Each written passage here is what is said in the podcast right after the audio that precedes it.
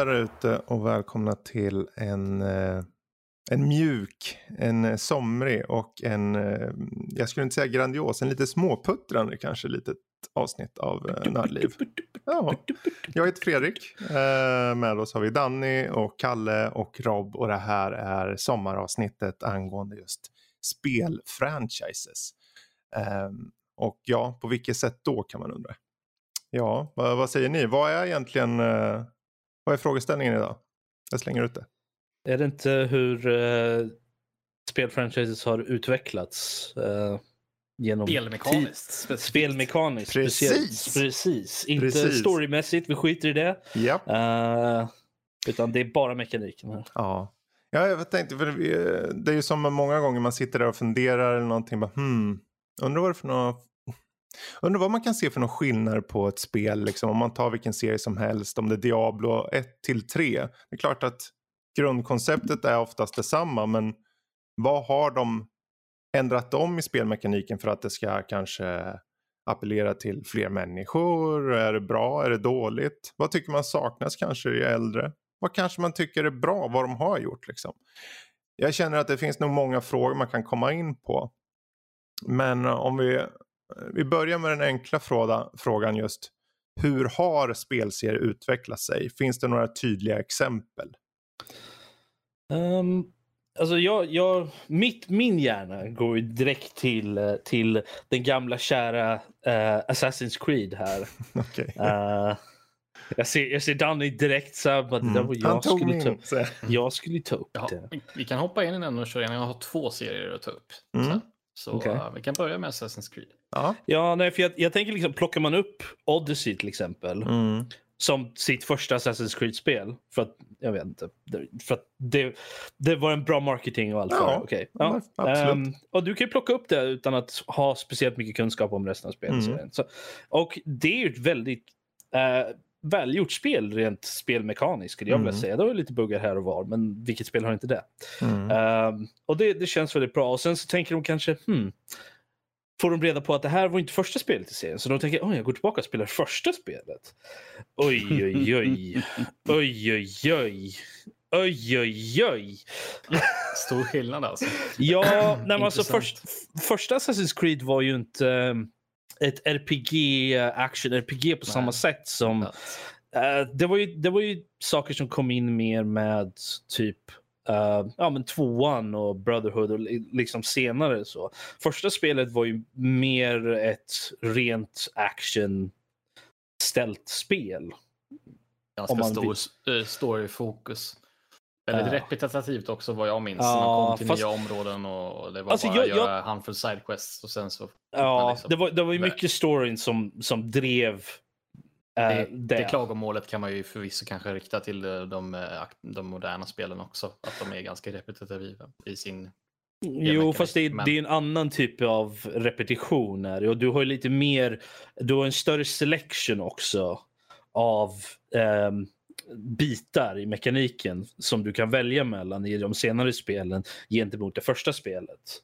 Ehm, eller Ja. första spelen till och med. Det Så var ju att, mycket eh, fokus på stealth liksom, på ett annat sätt där. Det var ju liksom Mm. det som var idén där och sen har Det ju det utvecklats till... med det spelet också.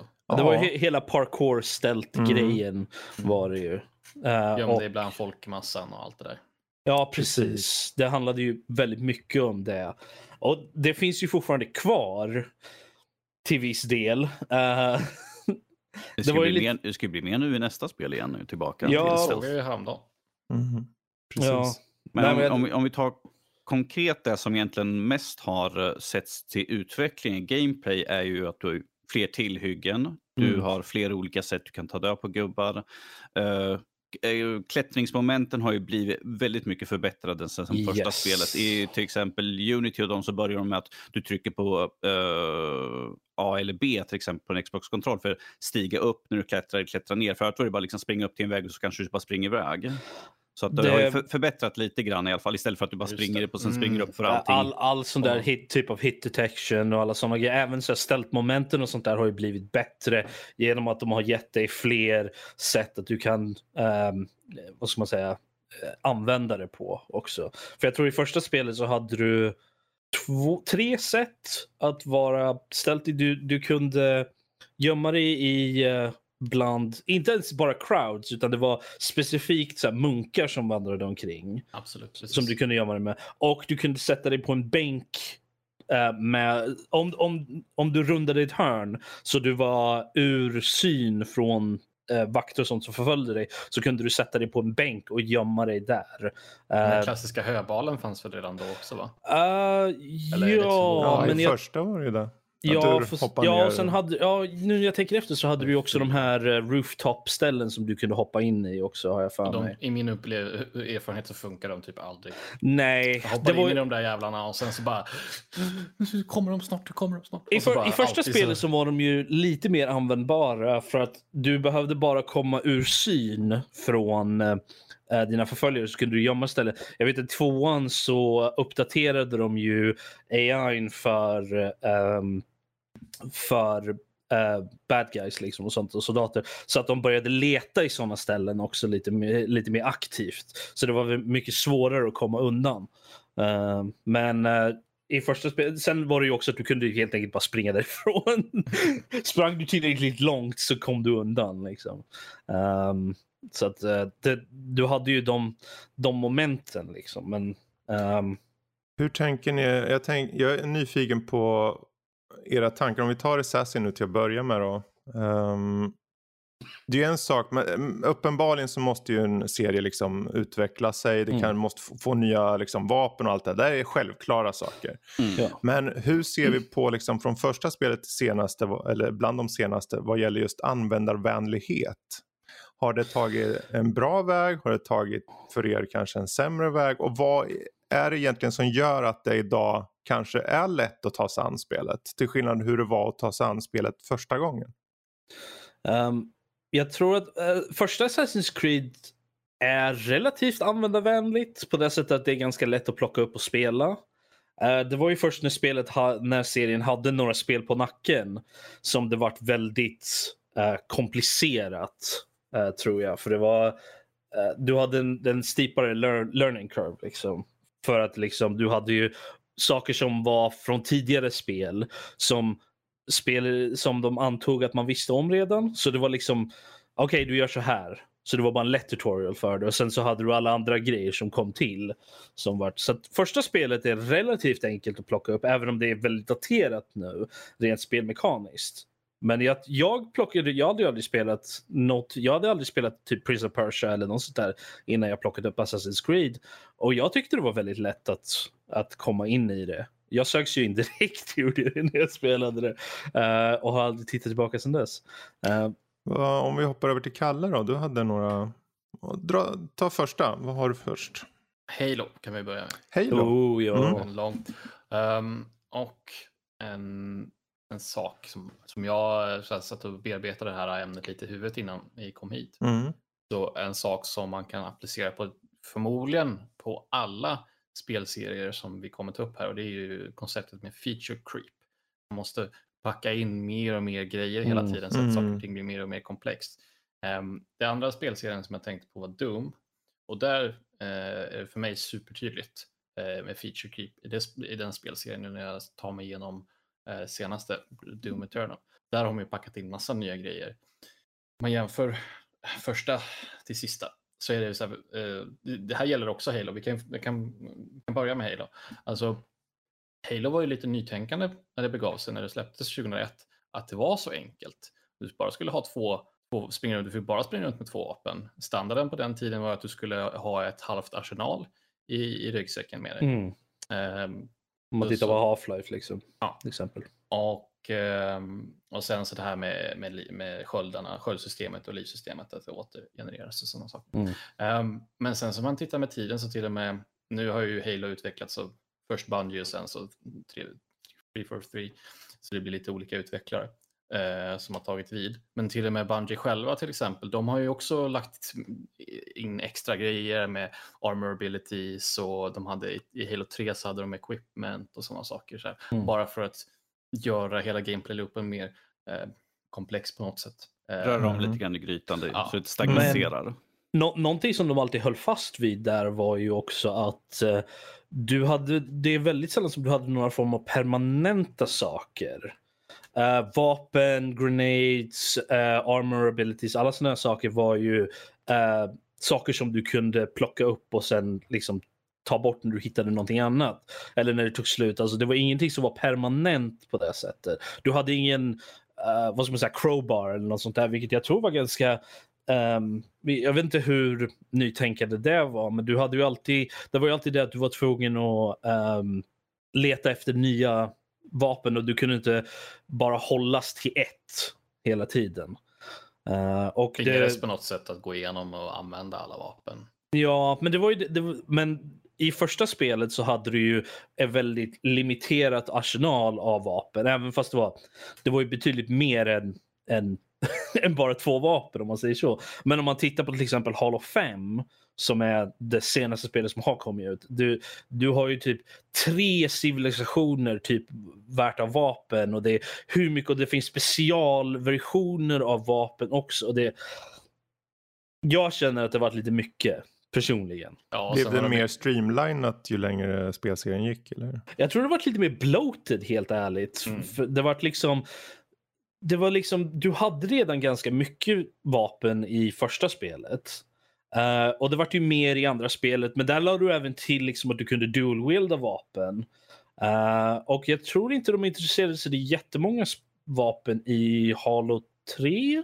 Nej, var, jag, kan, jag, kan, inte komma på så här på rak arm. Det var ja, de mycket har alltid, samma, samma. Ja, de har ju alltid bytt ut vapen och sådär så de höll ju mm. någon form av balans ändå. Mm. Till exempel i tvåan så hade du inte tillgång till, jag tror det var assault rifles, utan det var ju battle rifles ja, istället. Rifle, uh, ja, precis. Och sen trean hade ju alltid alla vapen som hade dykt upp hittills tror jag. Och jag tror den lade till typ, mm.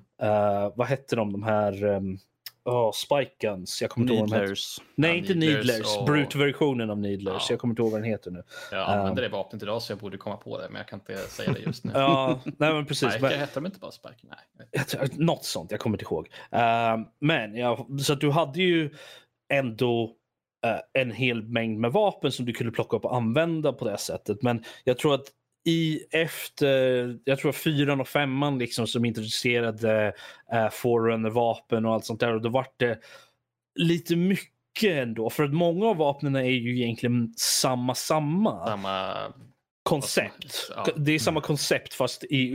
En assault rifle, en DMR, ja, fast precis. i olika skruder. Liksom. Ja, I alla fall eh. mellan, mellan Humans och Covenant-vapen. Mm. Där hade du ju ändå lite feature differences på, på mm. dem. Så. Men det kändes som att lite få... annorlunda i och med att du hade ammunitionen i den ena och batterier i den andra. Ja, alltså, precis. Mm. Medan i Forerunner-vapnen så kändes de bara som en, egentligen en futuristisk rehash av uh, de vapnen vi har sett redan. Och det kändes lite så här att man bara, mm, vi kunde ha skippat det här mm. ändå. Även fast jag gillar de vapnen. Men, mm. Vad hade du mer för några spelserie? Ja, det var ju uh, Doom där. Doom, uh, ja. ja. Och där ser, har jag egentligen reflekterat över samma sak. Uh, nu kanske, nu kommer jag avslöja vad jag tycker om Doom Eternal. Uh, du skräpar det alltså? Nej, det, det, det är jättekul fortfarande. Alltså, det är inte dåligt. Rent tekniskt så är det magnifik. Men om jag får tillåta mig själv att att eh, ja, diskutera lite vad jag, mina tankar. Så, så det jag märkt är att de har ju packat in massa nya sätt att attackera helt enkelt. Det är ju nya vapen såklart. Men de har också packat in det här med eldkastaren som man hänger med. De har Dash, man kan, ja, och dubbelhopp, det fanns i och för sig Doom 2016 också. Men, men eh, man kan dasha runt och du, ja, det är helt enkelt mer grejer att bara göra och hålla koll på. Um, och jag känner att det blev alldeles för mycket. Man tappar den här essensen av att man ska bara fokusera på att röra sig snabbt fram och tillbaka, Uh, typ strafa fram och tillbaka och så har man, kanske man byter vapen efter situation och sådana saker. Eh, fokuset på det har eh, lite försvunnit, mm. om du frågar mig. Eh, vilket därför så, om jag var tvungen att välja så, så, skulle jag nog fortfarande föredra av de två moderna Doom som finns så skulle jag föredra 2016. Finns det någon plats för att, för jag är nyfiken på, vi har, alla serier har ju ett ursprung och jag menar om Doom är ett bra exempel, det kom på tidigt 90-tal. Finns det mm. plats för att det skulle komma ett som var exakt som det nya? Eller alltså som det gamla menar jag. Att det liksom kommer en, eh, en Doom som har egentligen exakt samma upplägg, det är bara att den har en ny grafik som original Doom. Eller skulle spelare per definition känna om det här känns föråldrat? Jag tror att problemet där mest är ju att i de nya spelen så är det ju så packat med fiender medan i första spelet så var det ju då, då är korridorspringande och sånt och att jag tror att det skulle kännas väldigt skumt att bara springa in och det är typ 3-4 fiender istället för 50 fiender. Jag, jag tror att det som jag det skulle funderar tappa... mer också på det spelmekaniska i det. Um, Alltså jag- jag- fiendemängden, sure, men Mm. Mm. Jag tror att folk skulle, ifall de har kört de nya spelen, skulle de vilja ha där, du vill hoppa runt, skutta, dasha och Mm. allt sånt där. Men ifall du har det, för det- du, du är på marken mer eller mindre hela tiden. Ju. Precis, det fanns ju ingenting som hette hoppa. I Precis. första- Man kunde väl inte ens titta uppåt ordentligt i, i, första, i första Mm. Doom. Nej. Så att eh, du, du hade liksom ingen hor- eh, vertikal Nej. vinkel. Mm. Så jag, jag tror att det, det finns ju vissa saker som för gott Ja. eller ont man har vant sig vid i, i, de moder, i moderna spel. Det är inte, det är inte nödvändigtvis ehm, i alla spel men har du ett spel i en viss genre så är de, har de ju vissa features Mm. som man tar lite för granted nu, nu för tiden. Och jag tror att skulle man bara straight porta eh, Doom, originala Doom med uppdaterad grafik så tror jag att ja, det finns ju de eh, vad ska man säga, purists från som gamla gaggiga gubbar som ni två. ehm, som säkert skulle, skulle spela det för ehm, en uppdaterad nostalgia om det. Om, Det där om, finns ju faktiskt redan. Mm. Det Jo. finns ju Brutal Doom till exempel. Det är Jo, men en eh, du förstår vad jag menar. Liksom. Det, av det, det finns ju, men jag tror inte det skulle bli någon kommersiell Men success på något för sätt. Att, nej, men för att svara på, på Fredriks fråga så tror jag att nej. Jag tror inte att det skulle vara särskilt uppskattat. precis. Det krävs För- en, en viss modernisering. Mm, jag menar, det jag är egentligen ute efter, jag, som du kom in på nu Rob, det finns vissa Mm. features som man har kommit till att vana. Jag vill veta vad det är för några features. Vad är det för någonting som gör att vi inte plockar upp de här gamla? Va, man kan hoppa numera Mhm. och köra ett spel som inte... Jag tror att det är en liksom, självklar, en, en väldigt ledande bandesign också, för det är någonting som Mm. i de här moderna Doom, eh, både 2016 och Eternal, att du, eh, behöver, du behöver knappt aldrig ens öppna kartan. Kanske om du är ute och jagar efter eh, collectibles Mm. och sådana gömda grejer. Men för det mesta så är eh, bandesignen i sig väldigt fingervisande. Mm, Och så öppnar man, hoppar man in i första Doom så är, då är det verkligen inte fallet. Då verkligen inte. Nej, där har du ju verkligen en bra poäng. För jag tänker just, där om något, nivådesignen är ju något som har utvecklats enormt. Liksom. Det finns ju ett tänk från utvecklarnas sida. Alltså de, de är ju utbildade på att tänka i det. Så var det ju inte ursprungligen. Så var det liksom Nej.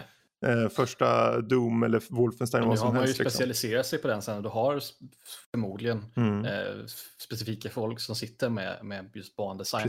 På första Dooms tid, ja, men då var det programmeraren som satt Mm. Jag- och jag tror att- skapade banan. Jag tror att vi har hamnat i en ehm, lite av en grop. Eller det finns två gropar så att säga när det kommer till, till i alla fall FPS-bandesign, så vitt jag förstår det i alla fall. Är det att du har ju antingen lite mer av en open world-grej, alla Skyrim och Elder Scrolls, alla de där som är lite mer open då. Och sen så har du de som är mer av en, en linjär En Liksom. korridorskjutare. Ja, precis. Mm. Så det, det finns ingen, jag tror, jag vet inte senaste gången jag såg någonting som var liksom mitt emellan Men det, riktigt. alltså, å andra sidan, nu är inte det FPS, men jag tänker om vi ser bara Sony och många av deras actionäventyr så kör de ju oftast till exempel Uncharted eller nu Last of Us Part 2 en semi-open. Det är fortfarande Mm. korridor, men du utvecklarna är så pass duktiga nu att de kan skapa illusionen av valfrihet i Mm. vad som egentligen är att du forslas framåt, bara att det finns flera vägar. Uh, jag menar det såg man ju till exempel i Wolfenstein, uh, Mm. New Colossus, så det finns ju inom FPS också.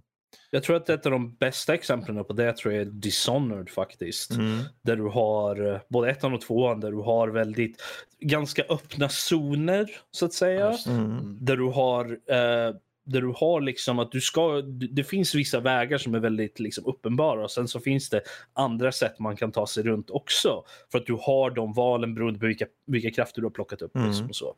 Och jag tror att, men eh, det, det är inte någonting man ser ofta ändå tycker jag inte.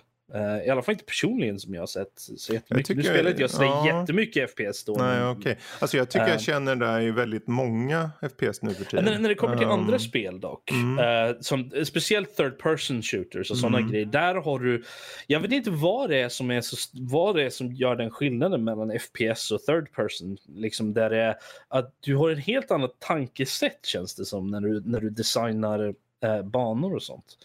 Um, Ja, alltså du har ju mer miljö att visa upp för spelaren kanske indirekt. Alltså du får lite mer omkrets, även om det är egentligen marginellt. Men eh, eh, om det nu har, kan, kan ha något att göra med det. Men ehm, jag tänkte, jag vill hoppa över till Danny.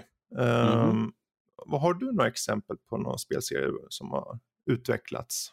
Well, du nämnde ju det precis alldeles nyss. Uncharted här, som jag kör igenom Uncharted eh, Collection här Mm. nu. Och något som jag måste säga som har verkligen förbättrat sig är kameran i alla fall. Eh, för att den var. Ja, frustrerande att köra i ettan. Liksom man sprang in i ett rum och helt plötsligt såg man en vägg. Man bara, mm, det här känns Har du, kört snurra runt snurr. precis, har du kört precis alla Uncharted?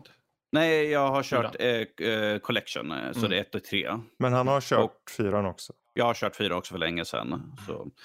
Eh, och man märker liksom att själva spelmekaniken där är ju att den har ju förbättrats med klättring och allt sånt och stealth. Eh, för i första spelet, var, kameran som sagt är horribel i de Mm. första spelen. Den är väldigt oförlåtande och eh, något som jag också märkt väldigt tydligt att de är mer tydligare i de senare spelen att det typ hinta hit bort ska du. För i Mm. första spelet, för första eller andra spelet så var det att jag klev in i ett rum med en NPC-karaktär och eh, jag tittade runt efter liksom, ah, vad finns här för någonting, vad kan jag? Vad jag inte såg var att han slängde upp ett rep. Eh, så här, Mm. eh, så jag skulle klättra upp, så jag såg ju inte det. Så jag sprang omkring i typ en halvtimme och letade i rummet. Jag bara, vart ska jag hoppa? Jag ser pelare här i väggen, jag försöker hoppa på dem. Och så tittade jag, jag, satt och jag spelade med brorsorna här och de bara, de bara, det hänger någonting på väggen där. Jag bara, ja men det är nog bara någon texturgrej liksom. Som drog fram, jag bara, ja det är ett rep. jag, jag skulle ju bara vilja påstå att det är du som är näppt, men ja. Nej, för det, det var någonting, vi sprang in i rummet, han sa någonting medan jag sprang och kollade och jag bara, okej, vart ska jag? Jag, jag ser fyra pelare med såna här, det ser ut som man ska kunna klättra på dem. Jag bara, ja men de, jag stod och försökte hoppa hela tiden. Jag bara, ah. Ja, men Uncharted Till är skillnad ett från- jättebra till exempel. Precis. Och i de senare spelen så är de väldigt tydliga, liksom, för då blir det mer liksom att här, det, det- liksom upp på bild, liksom, Mm. hit bort ska De zoomar in till det Ja. lite mer så här. Vilket kan bli lite irriterande också när det händer ofta. det, det, kan, det kan vi komma lite grann också. Det har ju blivit lite mer handhållning. Ja. Eh, första var ju horribel. Ja. Det var ju liksom ingen handhållning alls medan de andra har blivit bättre på hintsystemet till exempel. Mm. Eller liksom att de byter kameravinkel lite enkelt och, och liksom zoomar in. Hit bort ska du. För att i för många rum i första spelet som jag hade absolut ingen aning vart jag skulle ta mig. Det var liksom, du ska dit. Jag bara, okej, det är massvis med fiender men jag har ingen aning hur jag ska ta mig dit. Nu, Ja. nu, Men det är ju mer du, nu- assistans om man vill då. Många gånger Ja, de här fast- spelen har ju varit, för jag tycker handhållning är fel ord. Ja, okej. Det är mer att de, Mm. de visar bättre vart Mm. jag ska ta mig. Och jag ser det lite som en handhållning att den tar pekar ut. Fast det är ju det som Kalle sa förut att nu är det ju mer bättre bandesign. Så nu kan jag liksom genom att bara titta på banan, jag bara, jag ska dit Mm. bort. Ja, För jag kan se det på designen av hur banorna är uppbyggda. ögon. Så här, Mm, bara, så här, Precis. det, det behöver inte ens vara markerat på någon särskild färg eller Mm. någonting, utan bara, bara hur allting är utformat så leder ens ögon på ett visst sätt. Och Så det man här, bara, där Ja, ska jag. det här är ju någonting som de jobbade väldigt hårt på Bloodborne vad jag har förstått. Att de jobbade väldigt mycket på ljus där. Att även fast det inte var något jättetydligt ljus, liksom en stor skylt som pekade bep, bep, hit ska du", utan Mm. det var liksom eh, subtila hintar, ljus som sken på vissa sätt. som man tänkte att det är någonting där borta. Även fast det inte var liksom en, en stor fackla som brinner som sagt. Det var mer subtilt att de arbetade mycket på ljus för att liksom här, leda spelarna vidare. Precis. Jag gillade, jag gillade det konceptet i Mirror's Edge, liksom, att de hade någonting rött Just just, det. där. Du skulle, där var liksom, du kunde springa runt och göra alla, springa runt liksom så, men Just där den det var rött. aspekten är det lite svårare att applicera på ett annat spel. Men Jo, det, det var nej, ju jag- så jag förstår det, men- Mirror's Edge. Jo, men jag, jag gillar fränt. konceptet av Ja. att du har en, liksom en visuell cue Mm. snarare än att det är... För att jag, jag, jag är så... åh, Okej. Så, så jag jag har spelat lite olika spel så här, där... ehm, jag tror att Assassin's Creed är ganska, speciellt senaste Assassin's Creed tror jag var ganska skyldig över det här. För det känns som att de, de har gått in i tänket att antingen gör du så här eller så här. Snarare än att hitta någon stor middle ground. Liksom där du, I Odyssey så hade du ju möjligheten att du kunde stänga av uh, hintsystemet, det här quest-systemet grejen liksom som visade exakt vart någonting var. Uh, så att du, så du fick directions så du var tvungen att lista ut det själv. Vilket var ju betydligt mer uh, omöjligt i vissa fall. Uh, om man säger så. Jag, jag tycker inte om det. De, de ville helt enkelt ta bort hela det här quest marker systemet. Uh, så vi får se hur det blir i uh, Valhalla. Mm. Men, men jag har sett det i andra spel också där du har liksom att du får en liten sån här hovering quest marker typ längs vägen. Det är inte så att det är bara slutstationen utan du får den längs vägen så här. Och jag känner att det, då känner jag mig nästan lite förolämpad. Liksom. Ungefär som att kan inte jag lista ut hur jag tar mig dit själv? Liksom. Annars, alltså det, jag kan hålla med där. Å andra sidan känner jag att det finns väldigt många, det finns väldigt många spel som har det. Men oftast mm. brukar det vara upp till dig att ställa in hur du vill ha det. Ja, så där, eller... i, i, många Fast jag, jag vet inte, det, det, finns ju många spel som inte har någon form av inställningar för sådana grejer också. Så jag blir, man blir lite så här som att bara man måste, det, det, måste finnas ett bättre sätt att göra det på. För att du, mm. Vi har gått från att inte ha någon, någon, indikation om vart man ska någonstans. Förutom uh, liksom NPCs och sådana som säger till en vart man ska någonstans. Eller uh, någon form av in, in-game hint-grej. Liksom, snarare än att det är någonting från spelmekaniken som gör det. Till att det är nästan för mycket. De ger en för mycket liksom, ja, handhållning mm. helt enkelt. Jag har en känsla inte, inte alla spel är inte skyldiga för det. Ja, nej. Jag tror också det, har ju, det går ju hand i hand med hur spel helt enkelt blir större och större. Större mm. målgrupper. Eh, det handlar om inkludering då antagligen. Um, vilket är egentligen en fälla som alla spel kommer hamna i förr eller senare förutsatt att det går bra för dem är jag rädd. Uh, Fredrik, ja? Jag är lite nyfiken på att höra din, så jag vet att du har ju spelat några collections där du har haft väldigt tydliga skillnader mellan mm. spel. Jag vill mhm. bara höra lite grann på din syn på det här med spelutveckling eller hur spelen har gått fram. Som till exempel Anno som du körde här nu för inte så länge sedan. Ja, just det. Ja, precis. Anno History Collection. Um, prosit. De, de körde ju direkt back to back to back egentligen ju så. Ja, alltså den var ju intressant mest för att man såg första spelet uh, och det är liksom 20 plus år sedan det kom, 98. Och jag bara, ja, alltså konceptet, idén är ju där. Det är liksom, du har eh, en båt först, du åker till en hamn, du bygger upp en liten stad och sen ska den liksom blomstra och sen ska du ta dig ut och hålla på. Liksom. ja, på det sättet har det inte ändrats så Nej, mycket. så på det sättet är det ju verkligen exakt likadant. Men mm. gränssnittet var jätteklankigt. Det var liksom stor jäkla gränssnittsgrej ner till, på, på sidan om skärmen. Du var tvungen att trycka så här och det liksom det kändes som att man inte riktigt fattade vad ikonerna betydde och, och i vilken ordning man skulle klicka. Men sen ju längre serien gick, när man kom till till exempel 1404 som är tio år efter det, då har de streamliner så mycket att du har liksom, du högklickar och får fram en liten meny och så väljer du, okej, okay, då är de vanligaste sakerna som du använder med där. Och sen finns det kortkommandon som är tydliga från start och hela gränssnittet är liksom superutvecklat och genomtänkt sätt för att du, vem du än är, ska kunna sätta dig med det här spelet och komma in i grunderna. Det svåra är ju att komma upp, alltså det svåra är ju själva spelet i sig snarare än att spela spelet. Vilket är bra, det är så det ska vara. Mm. Um, så, så Anno var ju ett bra exempel. Uh, sen finns det ju spelserier som kanske utvecklar sig på helt andra sätt. Då.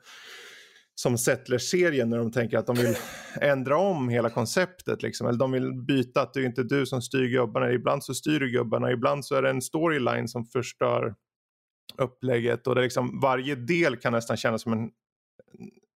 Det har essensen kanske men det känns som att de har tagit en helt annan väg. Så att man tappar bort ja. och sen nu så ska de tydligen reboota hela skiten. Liksom. Det, det får man bara tänka på Dragon Age. Första spelet, mm. originalet är liksom ett, ett klassiskt JRPG, Dungeon Dragon-stuk. Tvåan, vi gick ganska radikalt ifrån. Sen kom trean som var en hybrid mellan de två. Vad sa du att det första mm, var som ett eh, vanligt RPG? Ett, ja, ett, ett riktigt mm. hardcore RPG ja, liksom, där du valde allting möjligt. Du hade liksom så mycket knappar du kunde liksom leka med. Tvåan var ju lite mer action mm. RPG medan trean kom och var en försökte vara en hybrid Mm. emellan de två. Och Precis. då blir man lite fundera hur fyran blir sen, vilken, hur spelmekaniskt det kommer fortsätta. Kommer vi gå tillbaka till originalet, det som folk älskar mest? Eller ifall vi kommer få någon mer fortsättning på hybrid, som de försökte med Mm. i trean. Men där kan man ju också titta på typ Mass Effect. Det är ju samma studio liksom. Um, och där har du ju även ett, ett stort hopp från eh, första spelet till andra spelet. Bara i hur, hur själva inventory och loadout-systemet funkar. För i första spelet så har du, är det ju mycket mer en, en RPG på det sättet att du har en miljon jävla typer av, av uh, armors som du kan ta på dig och även du har en miljon jävla upgrades till de här armors som du kan lägga in och det, eh, det är liksom så att man blir uh, cross-eyed bara när man sitter och försöker tänka på det. Uh, New Game Plus i det spelet är liksom så enkelt bara liksom okej okay, jag tar det, det som var Mm. bäst från förra runnen. Men ehm, så där hade du ju väldigt liksom involverat system. Mm. Och det är samma sak med uh, vapnen där du hade liksom tillgång till alla vapen som existerade. Um, jag tror det i alla fall. Jag tror att alla hade det. Eh, tillgång till alla typer av vapen, snipers och allt sånt där. Eh, det fanns ingen liksom eh, klassindelning på något sätt vad jag, vad jag förstår det som. Förutom att du kunde, vissa hade bi, eh, biotics och vissa hade inte det. Um, och du hade ingen ammo eller något sånt där utan du hade bara cooldowns istället. Mm. Och sen kommer andra spelet där de helt enkelt har bara uh, ja, cooldown-systemet vi handwavar bort det genom att säga att vi har fixat de, de fixar det med någon sån här heatsink-grej som nu flyger ut som är inte ammo men är ammo. Uh, uh, och hela inventory-systemet är liksom borta Mm. i stort sett. Du har bara de här loadouts istället. Um, så att du, där har en väldigt radikal skift Mm. från någonting som var mer um, uh, involverat och kanske lite cluttered också. Om jag säger. Jag, jag har väl aldrig riktigt saknat det första systemet från första spelet egentligen. Jag, jag känner att de där tvåan och trean gjorde med spelstilen var passade bättre till Mass Effect. Mm. Uh, och jag tror att det är lite där också det kom av eh, i Dragon Age eftersom det är samma studio. Så eh, de försökte gå åt det hållet men det passade inte riktigt i, i, de, i Dragon Age-spelen Mm. tror jag. Så att man ser ju en, en, en läxa man lär sig där. Ja, precis. Ja, jag tänkte, du var ju inne på handhållningen förut, vilket fick att fundera på en fråga just angående hur spelindustrin kanske mognat till hur den vill framstå sina spel. Och då menar jag alltså förr, om vi ser riktigt långt tillbaka, då var det ju Pong då. Ja, kanske Pong eller Pac-Man eller vad, vad det nu var. Sådana här riktigt, riktigt gamla spel. Då var det snarare Mm. ett sätt att, att få spelen att drygas ut till exempel. Att få, få dem att hålla in läng, längre rent tidsmässigt. Så var det helt enkelt att göra dem sjukt svåra till exempel. Ja, vi pratar nästtiden alltså. Exakt. Hörde. Men, Ja, arcades. men liksom idag så är det snarare till viss del, till exempel så kan det vara istället att du har open world-spel som har istället drygats ut på speltiden för att det ska få mer speltid.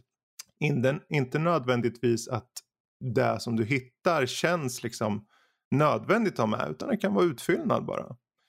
Typ Fallout quest. 4 alltså. Ja, eller Assassin's Creed eller vad du vill liksom. Ehm, och då tänker jag, finns det några tydliga exempel på mekaniker eller eh, sätt för utvecklarna att ta hand om spel förr till skillnad från nu? Eh, En sak jag skulle säga som vi ser som kan dryga ut spel ganska mycket är collectibles. En ny grej som de, många spel lade till för att du ska hållas kvar i spelet, kanske springa runt, göra extra saker. Vi har achievements har vi också, är ju en sak som har kommit under åren som har gjort att gör det här på ett speciellt sätt och då kommer kanske folk vara kvar i ett spel längre för att de vill Mm. plocka de här. Jag tror det är ju hela det där 100% känslan. Så, så fort de la in någon form av eh, vad ska man säga, visuell, ing, vad heter det? En visuell inclination om om hur bra du har gjort i spelet. Liksom. Hur, hur mycket du har plockat upp, hur mycket du har gjort. Mm. Det är då som det börjar liksom att oh, Jaha, okej, har jag bara gjort 77, 77 av det här spelet? Ja, men då måste jag gå tillbaka och göra det igen. New Game Plus med Chrono Trigger till exempel var ju en stor grej som hände också. Jag, men- Ehm, jag menar, eh, när jag var klar med Super Mario Bros, eh, Bros 3 så är jag liksom bara, yeah, jag är klar med det. Det var inte liksom så här, åh nej, jag har inte hoppat på 101 Gombas huvud för då hade jag fått en achievement. Åh nej, jag måste Ja, starta om igen. Du, du har ju en väldigt konstig grej egentligen. Eh, där du har att gamla spel, är, där är det liksom speedrun. Är det. Äldre spel är speedrun. Där, där handlar det om att vi ska göra dem så fort som möjligt, så, liksom så, så effektivt som möjligt. Medan nyare spel, där är det liksom vi ska få ta vår tid, liksom, det är så långt och där, du ska göra alla de här sakerna. Liksom. Det, det, det är den känslan jag får i alla fall av det hela. Mm. Att man ville, man ville göra dem så fort som möjligt. Man skulle hitta de här strats för att göra det så fort som möjligt. Vad var svagheterna i gamla spel som idag har fixats? Mm. Eh, jag, tror, jag tror jag skulle säga att det var svårt om man hade förr i tiden, när en annan växte upp med näst sånt där, man, då, då var det liksom väldigt svårt. Jag är fast på ett ställe, jag vet inte riktigt vad jag ska göra. Idag kan du bara gå ut på YouTube. Jag skulle säga att eh, det, spel är mer lättillgängliga nu. Det är lättare att komma in i dem. Förr var Är det, det att bara det att gå ut på YouTube eller finns det lätthet i spelet numera? Det finns hintsystem nu för tiden som sagt. Det kan vara att, eh, som sagt, spelet som vi pratade om, spelen kan visa liksom vart du ska ta vägen. I de gamla spelen var det liksom, så här, om du vet så vet du, om du inte vet, ja, Mm. det är lika bra du stänger av.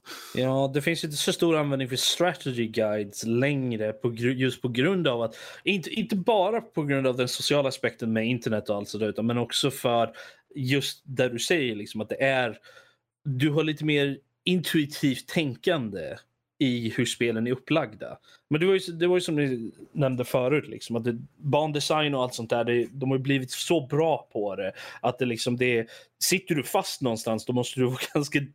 Det, det känns nästan som att fastnar man någonstans i ett spel nu för tiden, då sitter man där och känner sig dum istället för att man känner att spelet är dumt. Mm. Förstår du vad jag menar? Och eh, jag tror att spelindustrin vill inte ha att det kommer ut att folk bara jag sitter fast i det här spelet. Det, det är så dåligt, det är dåligt gjort, det är dåligt förklarat, det, det ser inte bra ut. Så att det, hela tiden har vi utvecklats till att spel ska vara roliga, spel ska vara underhållande, spel ska vara, ska vara att gemene man kan ta sig igenom det utan större problem egentligen. Mm. Ifall det inte är ett soulspel som Kalle, Ja, men det, det, är älskar där, och det, finns där. ju, det finns ju de spelen som marketar sig själva som de här, ja men som soulspel. Soulspel är, har ju blivit ett, ännu en term för de typerna av spel som är väldigt svåra och som är till för sådana där som vill ha en utmaning. Liksom. Mm. Och det, jag, jag gillar det konceptet mer om att du har ett spel som, som är naturligt svårt snarare än att du har som i Wolfenstein där du har liksom alla de här svårighetsgraderna där du nästan blir uh, utskrattad för att du väljer en lägre svårighetsgrad på det sättet. Att man känner sig mindre av en, av en man eller vad man nu ska säga liksom det med hela baby-grejen och allt det där. Jag tycker att det är lite onödigt. Vi behöver Please inte det. don't hurt me. Ja, nej, men jag, jag tror att vi behöver inte det. För, det, för att jag känner att det, det, try- det är... Och nu syftar det du på negativt. själva just hur de beskriver nivåerna, inte Ja, nivåerna jag- i jag- sig. eller? Jag tror, jag tror att jag tror, svårighetsgrader i sig är Det brukar lite vara ut... ganska billigt sätt som man ökar svårighetsgraden genom att fienderna kan ta mer stryk Mm. och de Ja. skjuter hårdare. Liksom. Ja, Eh, istället för att fienderna blir typ smartare eller ja, eh, på något sätt aggressiv. svårare att ta Ja. sig an. Liksom. Det hade varit intressant. AI är nu 20% smartare. Ja, men det, det finns ju, jag vet inte, det finns ju något, några spel som jag vet där, där de faktiskt hade det. Att det var liksom att, det var inte det att fienderna var svårare på något sätt, liksom att de hade mer HP eller sådär, utan att de var alltså smartare. De hade mer liksom tillgångar till sig. Jag kommer inte ihåg, det, det är flera spel vet jag, men jag Mm. kan inte komma på någon, någon konkret exempel. gör- ja, så, så händer, samma sak händer ju i andra genrer också. Om man typ Ja. RTS till exempel, om man höjer svårighetsgraden där så brukar det ju bara vara att AI får mer resurser. Mm. Typ. Eh, Så, vilket är, i längden blir bara tråkigt att spela emot, om Mm. du frågar mig. Ja, nej, men jag, jag tycker att svårighetsgrader är egentligen någonting som vi borde gå ifrån. Egentligen. Jag, För jag tycker känner- väldigt mycket om svårighetsgrader. För det får mig att välja. Men ibland så känner jag inte för att ta någonting på ens nor- normal. Jag känner ibland så vill jag bara. Jag vill bara mörsa, jag vill bara in, behöver inte tänka, jag vill bara mangla något spel. Jag tar lättare svårighet. Ja. Och Ja, ibland det, känner jag det, det, tvärtom. det är personlig preferens. Då. Jag menar, jag, det är bättre jag vill, att jag valet- bara köra igenom... eh, Bättre att valet finns där känner jag än att det inte skulle Mm. finnas där. Du kan ju alltid välja, bara köra norm- normal liksom. Precis. Eller Som hard. sagt, jag, kör, jag körde igenom Uncharted nu och jag körde alla på lätt bara för att jag ville bara köra dem. För att de, de, de, Ja. de, är- de har ju några år på nacken. Jag ville bara köra igenom dem för att köra dem. Men jag, jag gjorde det också nyligen. Gjorde jag, att jag körde igenom alla Uncharted-spelen. Gjorde jag, för att jag, jag har ju spelat dem alla förut. Men jag ville köra igenom dem igen för att liksom uppleva spelen Mm. igen. Och jag kör alltid, alltid på normal. Mm. För att det är så, jag, jag, mitt tänk är alltid så liksom att normal är det som spelet var designat för. Spelet var designat för att spelas på den här nivån. Uh, oavsett vad Wolfenstein eller whatever säger, liksom, eller dum när de säger liksom det här var den nivån som spelet var tänkt att spelas på. Ja, men då skulle du, då skulle du kalla det för normal istället. skulle du göra i så fall. Jag känner, jag känner att det, personligen så känner jag att det är onödigt att ha uh, spelnivåer. Det är min åsikt där, Mhm. däremot. Jag känner att det är hellre Jag tänkte bättre att den ha... ursprungliga frågan var just vad var det för några delar i de gamla spelen som ni kände det här är utdaterat idag? Eh, Ehm, och då, Eh, mm, Om vi tar skjutarspel, eh, som, om vi tar Doom, Wolfenstein, de första spelen. Du kan inte sikta upp och ner. Du kan inte sikta på fiender på liksom, vertikala Mm. nivåer, horisontala och vertikalt. Liksom. Det var väldigt begränsat. Nu kan du liksom hoppa runt, göra en 360, no scope. Liksom. Man bara yeah. klassiskt ba- basbyggande, bara rent simplistiskt genom första RTSen kanske har blivit betydligt Mm. mer taktiska, betydligt mer strategiska. Vad känner ni Mm. eh, motsatsen idag då? Vad, eh, vi var inne på svårighetsgrader där. Finns det någonting i de, den nya tidens spel som ni känner, men det här, det skulle jag egentligen vilja bli av med? någon form av no-win scenario. Eh, det är inte många spel som har det längre, Mm. tack och lov. Men det finns for, fortfarande vissa spel där du kan komma till en jag vill inte säga en soft lock, men liksom där du egentligen du har gjort något fel längs vägen som gör att du inte kan komma vidare på något sätt. Det finns fortfarande vissa spel som har det. Eh, Men menar du att du vill ta bort det eller menar du att du vill ha kvar det? Ja, jag vill, jag vill ta bort det. Ja, att, ja. Man inte, att det alltid ska finnas en väg framåt. Mm. Och för att jag känner liksom att det är inte, jag tycker inte det, det Det där känns ju Kul. verkligen som någonting förlegat om det finns. För jag känner Ja. att det där är ju någonting som vi såg förr mycket av. Liksom. ja. Jo, men det är ju Aha. det. Det är det jag tänker. Liksom. Det Precis. finns jättemånga gamla spel som har, speciellt äventyrsspel som hade det, Mm. liksom, där du hade att ja, nej, du plockade inte upp det här itemet typ tre, typ för en halvtimme eller timme sedan Mm. liksom, och därför kan du inte komma vidare. Eller du sa fel sak till den här personen och därför så. Precis. Ja. Det är ju, sen är det, vad gäller just spel överlag, alltså utvecklingen har ju skett på många fronter. Vi fokuserar nu på spelmeka- spelmekaniken då. Mm. Men ibland så kan ju spelmekaniken gå hand i hand med till exempel grafiken. Vi ser ju GTA-serien som först var liksom top-down och sen med trean så var det plötsligt eh, tredje person. Då Mm. blir det ju de, per definition att du måste förändra ut efter de regler som finns med den Mm. kameran. Till exempel. Och Oh, ja, Eh, Jag kommer tänka på någonting som jag, jag känner är någonting som är...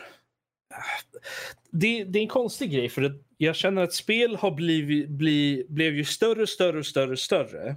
Och vi har, vid någon punkt så känner jag att vi nådde en liksom critical mass för, för hur stort ett spel kan vara. Mhm. Rent, alltså rent in-game-mässigt. Ja, okej. Mm. Ja, så ytmässigt inuti Mm. spelet, liksom, när man har en open world och allt sånt där. Och, och det var ju då som, som spel började lägga till liksom, det här med fast travel Mm. och alla såna grejer. Och jag känner liksom att det måste, det måste finnas ett bättre sätt att göra det på. Jag känner att hela den här grejen med att du har en värld så stor att du behöver fast travel för att ta dig från en punkt till en Mm. annan.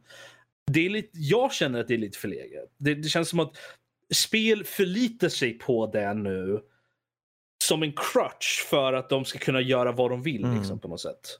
Och Eh, ibland liksom, det, det är ju så tydligt i open world-spelen när liksom det finns så mycket yta. Men det som har lagts in i det känns mer som att det är Ja. bara kopior på kopior på, på kopior. Liksom.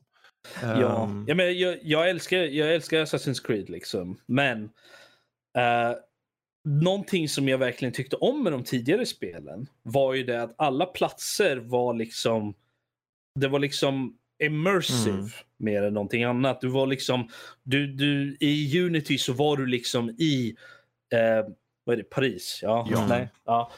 Eh, Och i, i Syndicate så var du i London. Du kunde springa runt i London liksom och allting var, det var liksom gjort för att vara immersive. Även om det var liksom bara en back alley någonstans så var det liksom okej, det är en back alley i London. Det är liksom till för att vara här för att liksom immersa mig i staden. Men sen så har vi saker som sen har vi Origins Odyssey där du har väldigt mycket yta som inte ger någonting. Kände jag. Bara stora färd, såna här för färd. Ja, precis. Liksom visar så här stort har vi. Ja, så istället för att ge oss en helt land eller något sånt där att springa runt i, kan vi inte gå tillbaka till att vara i en stad och berätta en historia i den Mm. staden istället för att det ska vara det här stora scopet istället. Ja, precis. Ja, det handlar om densiteten av kvaliteten på de uppdragen. Jag menar, det finns ju serier. Mm. Det här, ja, ny, The Witcher till exempel. Första Witcher. Där fanns det ju, det fanns mycket utrymme för saker och ting men det var ganska så, det föll ju platt till viss del. Eh, och framförallt var det stridssystemet och allt, för varje inkarnation av spelet, liksom den nya till tvåan och sen till trean, så var det så tydligt att utvecklarna hela tiden pushade sig själva. Liksom. Vilket Mm. resulterade i en värld så hög densitet som det var i, i trean där med varje specifika uppdrag. Det skulle vara liksom handcrafted, liksom små berättelser och allt det där. Så där var det, av något, på något sätt lyckades de nå den där perfekta balanseringen. Mm. Ehm, Ja, för det, det lilla jag har kört av Witcher 3 liksom, så kände jag aldrig att det här var ett för stort område och att liksom jag, åk, Mm. jag sprang igenom ställen bara för att springa igenom ställen liksom, på det sättet. precis. Det är, där, det, det är en av anledningarna till att jag ser fram emot uh, Cyberpunk till exempel. För att det känns som att du har den där densiteten av, av saker. Liksom, det utspelar sig i en stad och lite utanför så vitt jag förstår det som. Mm. Sen är det liksom. också hur man hanterar, jag menar, som till Mm. viss del i Witcher, eller många av de här nyare RPGerna så är det ju att du börjar på ett specifikt område och du inte, det är inte tillgängligt de andra områdena. Så att Ja. du får utforska den här i din takt liksom och sen låses Mm. ett nytt då, område upp och så tar du vidare och då öppnas hela världen plötsligt upp. det, det är en sak jag saknar från de tidigare Assassin's Creed-spelen. För där hade du ju vissa ställen som var liksom eh, låsta. Mm. För att du hade inte kommit dit i minnena än. Precis. Liksom. Och jag saknar lite det i de senare spelen. För det känns liksom som att ja, du har tillgång till allting. Du har lite av den här artificiella eh, gatekeeping med att ha fiender som är väldigt kraftfulla på de ställena Mm. till exempel. Och du måste nå dit. Men du kan fortfarande gå dit liksom och se Mm. vad som är där. Så det, det känns liksom som att jag förstår varför de ville gå åt det hållet. Men samtidigt så känner jag att det är för mycket. Ge oss li vi behöver lite railroading i alla fall innan vi kan, istället för att få direkt Det är ju-. För man får lite Det gemensamma för allt, jag menar allting vi har pratat om handlar ju såklart om att, att hitta balans. Eh, Mm, vilket är det precis. svåraste för en utvecklare. Liksom. Att hitta den där balansen där det inte är handhållet men det är inte för svårt heller. Mm. Eh, kameran ska inte komma i vägen men den får vara, du ska ha den där cinematiska känslan gärna. Och så vidare och så vidare. Det ska vara bra gränssnitt men det ska inte vara i vägen. Det ska inte vara plottrigt men det får inte vara för lite för då vet du inte vad du ska göra istället. Liksom, det är ju supersvårt måste det vara idag och det är därför de pluggar till vad de pluggar till och det liksom finns allt Mm. där. Varför gör iterations of iterations Ja, liksom, för att se vad som är rätt och fel liksom, och vad som känns rätt. Mm. Jag har, jag har en fråga jag vill ställa. Bara, det, det är en väldigt specifik grej. Okej. Men, men, äh, minimaps. Ja. Åsikter? Vad, tycker ni är föråldrat? Eller Nej, är jag har det inget liksom... emot minimaps. Alltså görs det bra Ge så mig. sure. Men då menar jag en riktig minimap, en sån här liten minikarta uppe i hörnet. Ja. Liksom. Inte den här eh, kompasssystemet som de använder i till exempel Elder Scroll. Nej, jag var tycker om minimaps. Jag, har Jag inget emot det. föredrar att ha en minimap ifall Ja. det finns. Ja. Ja, nej, jag, vill, jag ville bara höra för att mer och mer spel går ju från minimappen Mm. och går över till till exempel Assassin's Creed hade ju minimaps hela vägen upp till Syndicate och sen i och med eh, Origin så bytte de ju över till kompassgrejen Mm. istället. Uh, vilket jag tycker var jättesynd. Um, jag, jag, det är en sak jag, jag har spelat, jag, jag fick um, Final Fantasy 7 Remake i Mm. födelsedagspresent. Varsågod. Tack så mycket. Eh, och jag har spelat det. Där har du möjlighet att välja. Mm. Där kan du välja mellan att ha ingen kompass eller inget guidesystem på något, någonting förutom kartan som du kan trycka upp. Eh, eller så kan du välja att ha en kompass eller en minimap. Mm. Och jag gillar det, att du, du har den valmöjligheten där. Precis.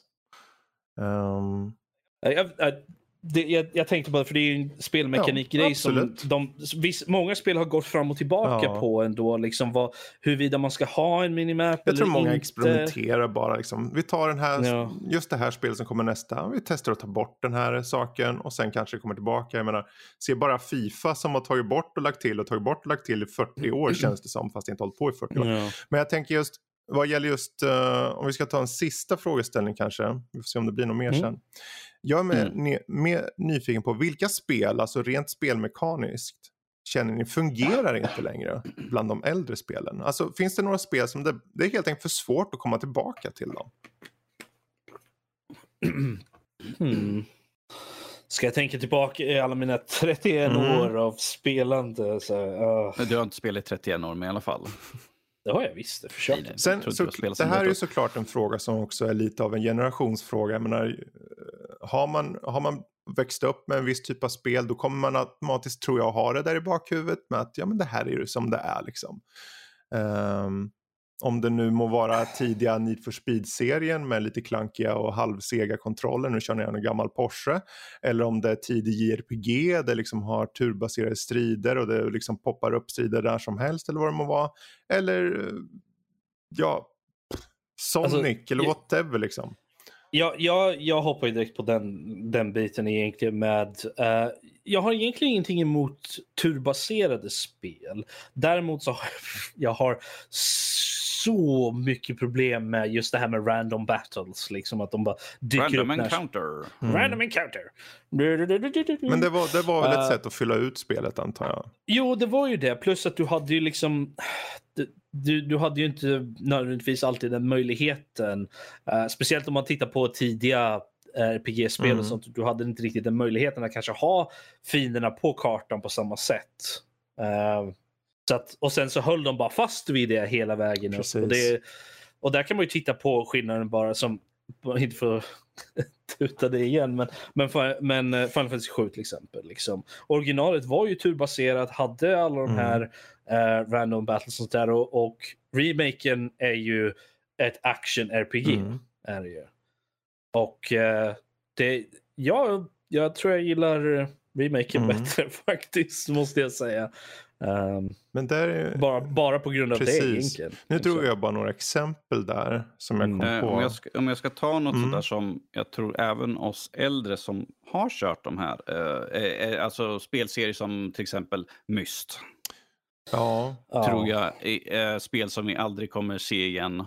Om det inte är typ en remake eller något sånt där. Mm. Men spel ur den genren tror jag inte vi kommer se så mycket av. För att Myst och De är Riven bara och allt vad det hette. Mr. Riven och de där spelen, för att de var bara så udda. Eller om vi tar en spelserie, eller en typ av spel, FMV-spel. Det finns några stycken, men jag tror inte det kommer aldrig slut igen. Så där, för att har liksom, det, känns som vi har kommit lite- förbi det, kom, det. det, Det- finns ju de här nya FUB-spelen Ja, som är men det, typ... det kommer ut ett här och där, någon som försöker komma in. Men att det, Det är ju sjukt nischat det.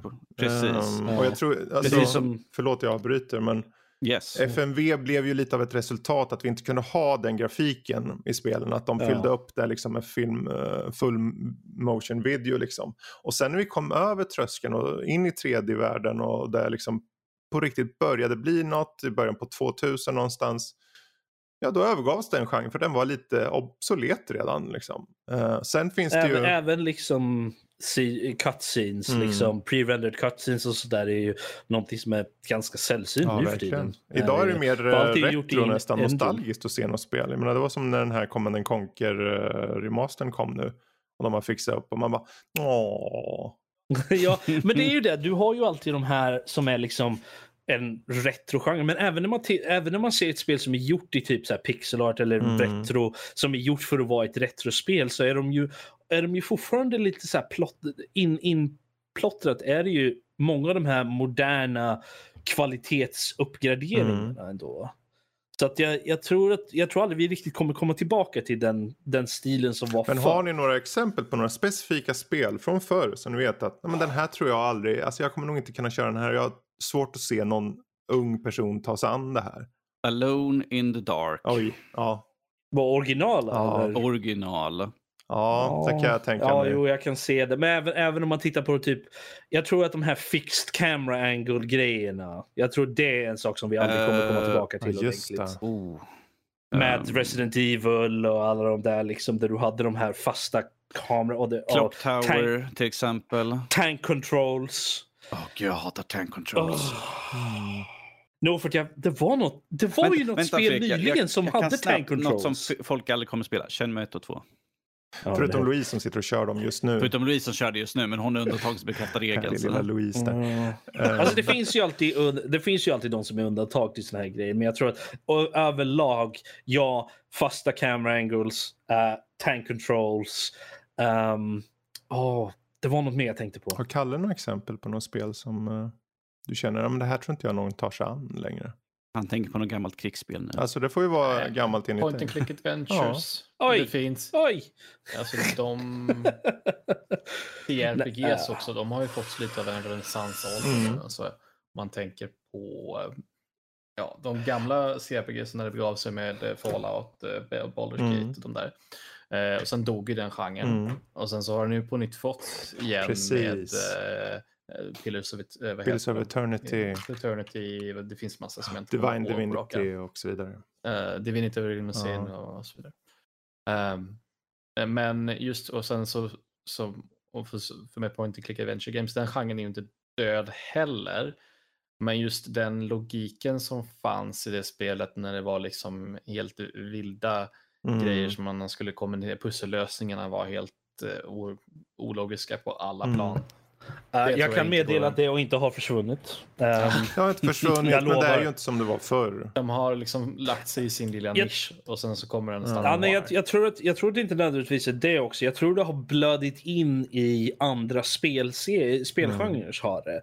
För du har väldigt många spel som har liksom små pusselbitar här och var. Liksom, där du ska göra någon pusselgrej eller något sånt där. Men även om man bara tittar på uh, typ Bioshock eller något sånt där där du har liksom det hacksystemet som egentligen bara är, uh, uh, vad hette det, det gamla Det hjälper inte att vifta med handen, ingen hör det. Ingen Nej, hör det. men, åh, det, det var ju på typ Windows 95 eller något sånt där. Det var ett spel som var på det. det var Okej. ju Typ pipelines eller Ja, något ja sånt men där. Pipes, precis. Och det var ju liksom ett spel som kom med Windows. Mm. Liksom. Um, sådana grejer. Det, och det, det är ju lite så här minigames och sånt har ju, har ju nu tagit över lite den Mm. rollen för pusselaspekten som var i, i äventyrs, click äventyrsspel. Och Jag tror också, annars är ju Kalle på rätt spår. vad gäller st- Folk, i och med att vi har snackat om det här med användarvänligheten och så, så tror jag att även om inte användarvänligheten i sig varit dålig på de gamla PK-klicken, men logiken är ju det är en egen logik i spelet. Man behöver bara komma in i hur spelet tänker. Ja. Men, jag, ja, i vissa spel så funkar inte det nej, heller. men många gånger numera så tänker folk, folk kan tänka mer intuitivt gällande spel som kommer. Mm. Så då blir det, en, det, blir, det slår inte rätt där liksom många gånger med de äldre då. Ehm, så det kanske jag kommer- har med viss del med det att göra. Ja, jag kommer tänka på en annan grej som jag tror att... ehm, det är väl inte nödvändigt, det, det är en sak som har blivit som är bra, tror jag. Som har blivit bättre. Det är det att det är inte nödvändigtvis handhållning med det här med att du har någon form av journal eller någon form av questlog, allt det där som faktiskt talar om för dig vad du har gjort eller vad du ska göra härnäst. Inte nödvändigtvis på ett så handhållande sätt att det säger gå hit, gör Mm. det här på exakt det här sättet. Men liksom, Men någonting du ska säger gå- vad du har gjort för någonting. Ja, precis. Så att du, du inte behöver sitta med en, en Precis. anteckningsbok eller något sådär, alla myst till exempel, liksom, där du verkligen behövde bara, ah, skriva ner fem miljoner grejer. Den minsta grej kunde vara en hint för vad som, vad som kunde hända tre timmar senare i Mm. spelet. Liksom. Ehm, alla sådana grejer. Jag, jag tycker det att inte ha något sånt är ganska föråldrat. Och jag tror att spel som uh, utesluter sådana saker nu för tiden gör det för att det är ett, en nischad experience i så fall.